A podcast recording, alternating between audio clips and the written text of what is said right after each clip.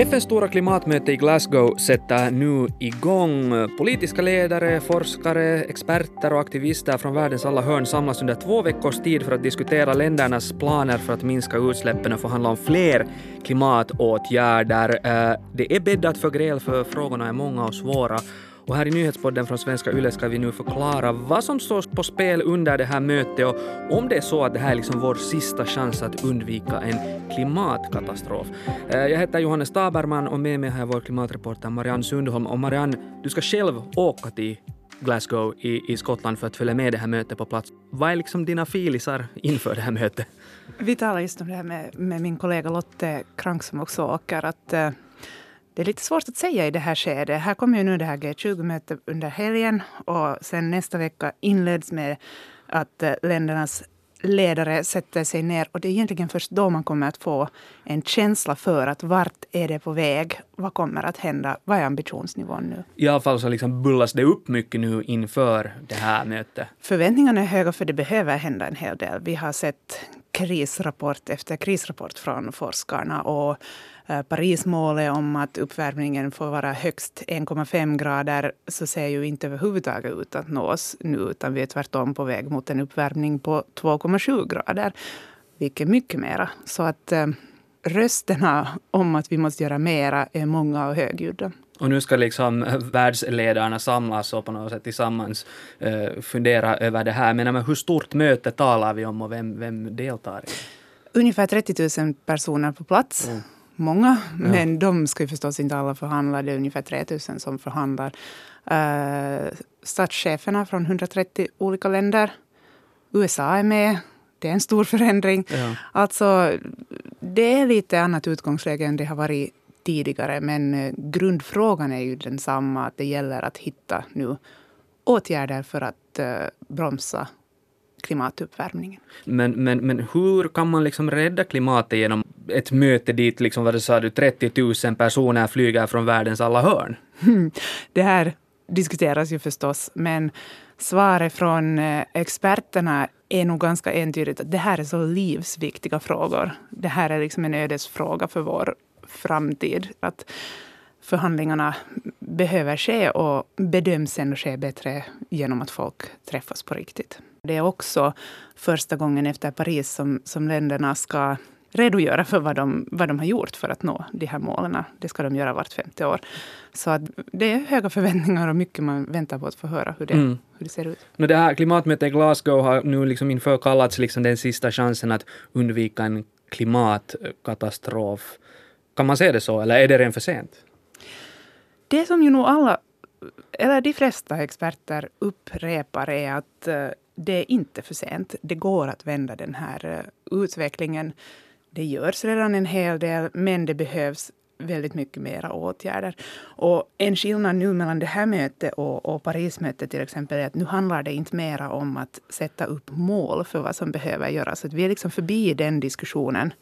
Eh, det finns liksom ganska stor uppbackning för att någonting behöver göras och att det behöver göras mer. Men nu handlar det liksom om att hitta konkreta åtgärder. Precis som klimatpolitiken i, i Finland handlar om åtgärderna nu och inte om målet. Mm. Du var inne på det här uh, Parisavtalet som då skrev, skrevs under för sex år sedan. Mm. Och, och, nu ser vi liksom att, okay, att man hade då fina klimatlöften som man slog fast där, men som i praktiken inga länder då verkar nu kunna hålla. Uh, jag läste någonstans att Gambia ser nu ut som att kunna vara det enda landet i världen som kan uppnå den här, att inte överskrida den här 1,5 graders gränsen. Det är ju ganska talande, ett litet u-land. Det, och det handlar ju förstås om, eh, jag menar det är ju det mycket av klimatpolitiken handlar om, att det är så himla orättvist. Att det är överkonsumtionen i de rika länderna som har lett till den allra, allra största delen av utsläppen, medan det sen är fattiga länder som drabbas av konsekvenserna och det är de som i högre grad måste anpassa sig till förändringarna som kommer, för att det handlar om havsnivåer som stiger och extrem torka och, och så vidare. Och det kommer ju också att bli en stor diskussion också under det här mötet, det vill säga den här eh, klimatfonden, där de rika länderna ska bidra eh, de fattiga länderna med 100 miljarder per år Både för att kunna anpassa sig till de förändringar som redan har kommit, men också kunna till exempel satsa på förnyelsebar energi mm. och så vidare. Så att eh, det här är en stor fråga. De rika länderna har lovat det här, men de har inte hostat upp pengarna. Ja, jag menar just att finns det inte en risk för att det här klimatmötet i Glasgow blir liksom ännu ett klimatmöte där man liksom kommer överens om fina löften, tar varandra i händerna och, och sjunger We are the world och liksom är hemskt förenade i den här klimatkampen och sen slängs löftena i roskis igen. Det är nog hemskt... Eh, det är svårt att säga just nu. Liksom, det, är, det, det är ju klart också att när man lyssnar på folks eh, jag menar både förhandlarnas och uh, politikernas förväntningar på det här mötet, så ingen vill ju skjuta ner det nu före, före det ens har börjat. Och, och där ser jag också en skillnad, tycker jag, i hur klimatdiskussionen låter överlag. Att det finns helt klart nu en medvetenhet om att vi behöver ett litet hopp också. Det får inte låta som att allting är dödsdömt och ingenting går att rädda mera. Men det är ju klart att det är svårt att säga vad det på riktigt sen kommer att leda till. Men därför ordnas ju de här mötena också regelbundet. Nå, vilka är de knepigaste frågorna som kommer nu att liksom ligga på förhandlingsborden i Glasgow under de här kommande två veckorna?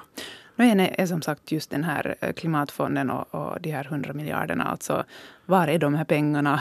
Det är väldigt orättvist hur klimatuppvärmningen är, uh, vad, vad som orsakar den och hur den drabbar länder mm. väldigt olika. Så de rika länderna måste hjälpa de andra att göra den här uh, omställningen. Uh, sen är nog en, en, annan viktig fråga är utsläppshandeln och att den ska ske rättvist och hur själva utsläppen också rapporteras. Alltså det här, sammanfattningsvis kan man väl säga att reglerna måste vara samma för alla och transparenta. Att, att hur utsläppen rapporteras, det måste ske på samma vis i, i, i alla länder så att det blir liksom ordning och reda. Och också, jag menar, det, man når ju inte någon rättvisa om inte man vet hur utsläppen ser ut. Och det får inte heller ske liksom dubbelrapportering av åtgärder i olika länder. Precis. Här. Det här med utsläppshandel är ju liksom en, en krånglig sak och man kan ju tänka sig att det kan uppstå en massa kryphål här. Mm, jo, och det har man ju sett också. Ja. Och, och sen är det ju också en, alltså utsläppshandel är ju någonting som kommer bli bara vanligare. Det handlar ju om att, att ta bort eh, prishöjningar från individen och kunden och istället lägga den på företag och hela branscher och så här. Att, att um, på det sättet få till stånd en snabbare utveckling, vilket ju sätt att fungera för energisektorn till exempel och, och industrin i EU. De har fått ner utsläppen snabbare än, än många andra sektorer. Men nej, helt problemfritt är det ju inte. Mellan vilka länder pågår då den liksom hårdaste klimatarmbrytningen? Det har funnits klassiska bråkstakar. Eh, orostankarna just nu, ett stort frågetecken är ju att vad vill Kina? Mm. Jag menar, Kina är en jättestor ekonomi med väldigt mycket industri, inte bara inom Kina utan också i andra länder. Väldigt mycket eh, alltså, eh, investerat i andra länder. Så vad Kina bestämmer sig för har stor betydelse. Samtidigt så är det ett land där beslut kan komma ganska fort. Det har vi sett eh, när de till exempel bestämde sig för att inte investera i kolkraft mm. utomlands mera, så hände det snabbt och det har jättestor inverkan eftersom det är en så stor ekonomisk kraft. Men hittills har ju budskapet varit att Kina inte deltar i det här mötet. Eller att när vi tittar på vilka världsledare som kommer så stannar de utanför. Uh, Brasilien har ju varit svårt. Många ser Amazonas som, som världens lungor. Och det, det är klart att här handlar det också om, om rättvisa. Att vem ska bära ansvar för vad och var, vem har rätt att utvinna vad. In, Indien är också ett land som har stor inverkan, men där är tonerna positivare nu. Hur ska man se på, på, på, USA? Jag tänker liksom att nu är ja. USA tillbaka i Parisavtalet och det är inte Trump nu som sitter Nej. vid förhandlingsbordet utan Biden som har helt andra klimatambitioner. Men det nämns nog av många som en jättestor förändring för att det är ändå en dels förstås ekonomiskt och, och rent utsläppsmässigt en jätteviktig del av mm. pusslet. Mm. Men också för att USA ändå, alltså signalerna som kommer från USA är ändå så avgörande också för resten av världens uh, ambitioner. Mm.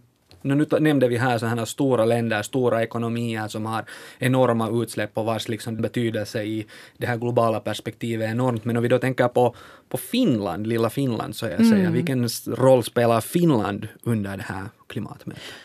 No, Finlands förhandlare och politikerna här så, och experterna så betonar ju ofta det här att, mm. höja ambitionerna helt enkelt. Att, och jobba förstås tillsammans med EU på den fronten. Mm. Att, att uh, vi är ett rikt land i väst som också har högre utsläpp än... Alltså om man tittar per person så har vi ju, precis som alla andra rika länder i väst, mera utsläpp per person.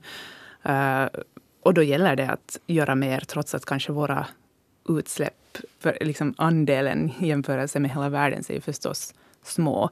Men det gäller ju att höja ambitionerna och då för att kunna göra det måste man samtidigt nog agera som någon slags förebild och visa att man själv försöker sitt bästa. Är vi på något sätt den här snälla, duktiga eleven som tyst och plikttroget gör sina läxor men som inte sen för så mycket låda? Ja, alltså... Mm. EU är ju nog en e- enad front här. Att där är ju mm. mycket av jobbet som Finland gör är ju tillsammans med, med EU. Och, och EU har ju nog gått in för att, att höja ambitionerna. Ja mycket. Sen finns det ju förstås olika åsikter också inom EU. Det här, där också, ja. ja, men jag menar, EUs roll i det här mötet är nog absolut att höja ribban.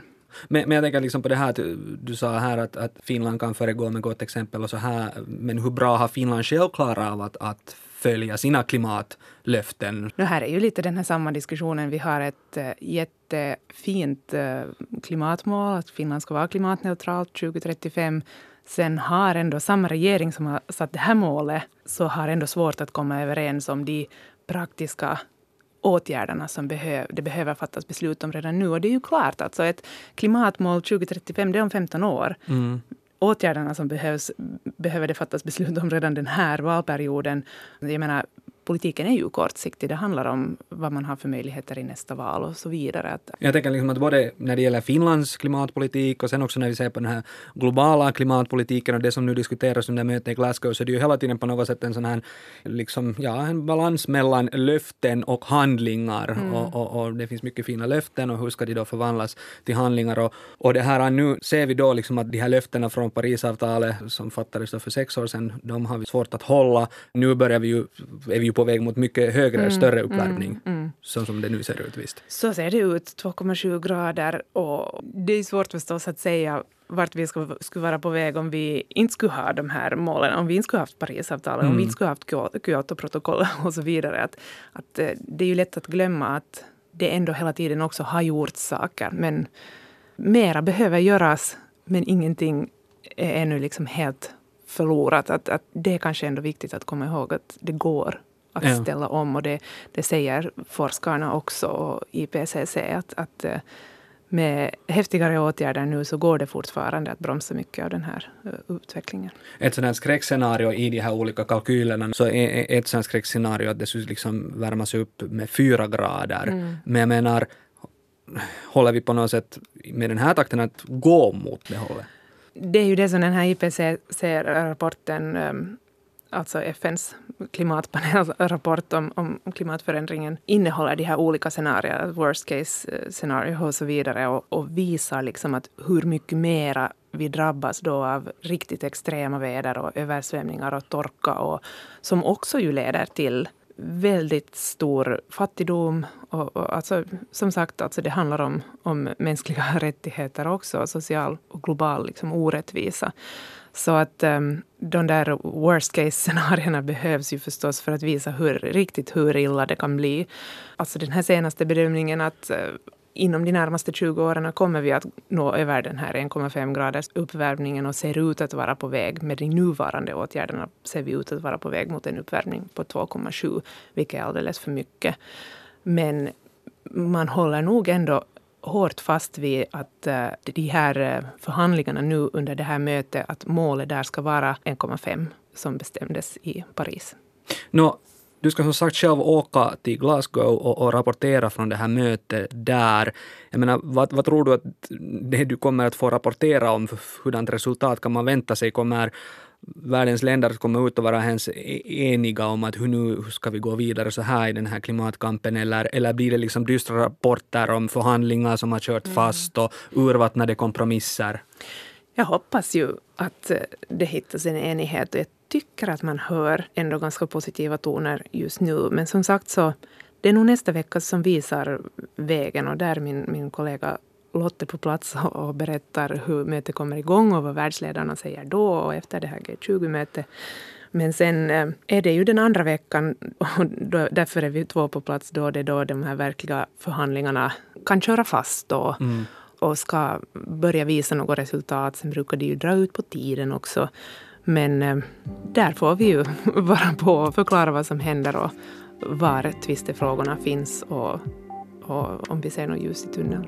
Som sagt, vi kommer att hålla ögonen riktade mot Glasgow här följande två veckor och, rapportera från ort och ställe. Marianne Sundholm, tack för att du kom hit till Nyhetspodden. Tack. Jag heter Johannes Taberman. Fortsätt lyssna på oss.